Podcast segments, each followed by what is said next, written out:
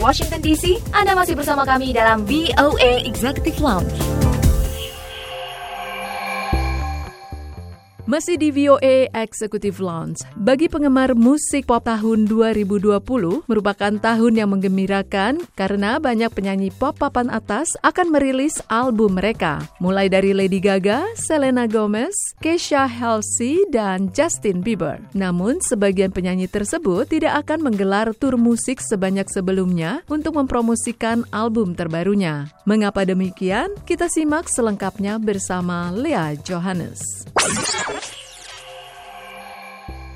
Bagi penggemar musik pop, tahun 2020 merupakan tahun yang menggembirakan karena banyak penyanyi pop papan atas akan merilis album mereka mulai dari Lady Gaga, Selena Gomez, Kesha, Halsey, dan Justin Bieber. Namun sebagian penyanyi tersebut tidak akan menggelar tur musik sebanyak sebelumnya untuk mempromosikan album terbarunya. Mengapa demikian?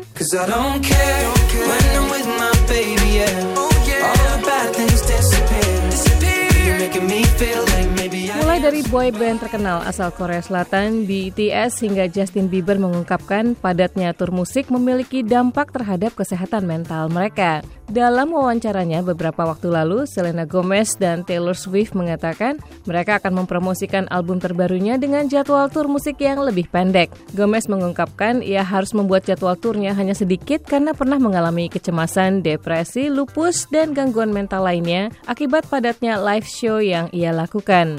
Justin Bieber mengalami gangguan mental saat menggelar Purpose World Tour pada tahun 2017 dan membatalkan sebagian penampilannya. Ia akan menggelar tour kembali tahun ini karena sudah merasa lebih baik. Namun ia siap membatalkan konsernya jika kembali mengalami gangguan kesehatan mental. Lover.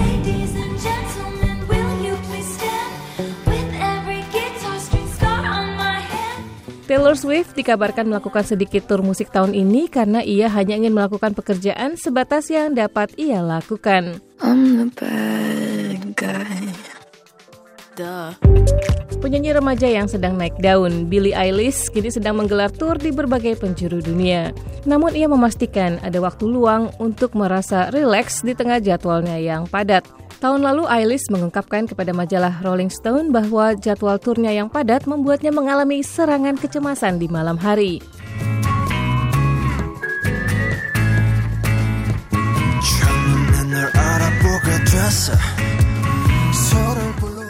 Boy band BTS juga mengungkapkan mereka mengambil rehat untuk beristirahat dan mengisi tenaga setelah menggelar tur musik selama bertahun-tahun. Lea Johannes, VOA Washington. The voice of America.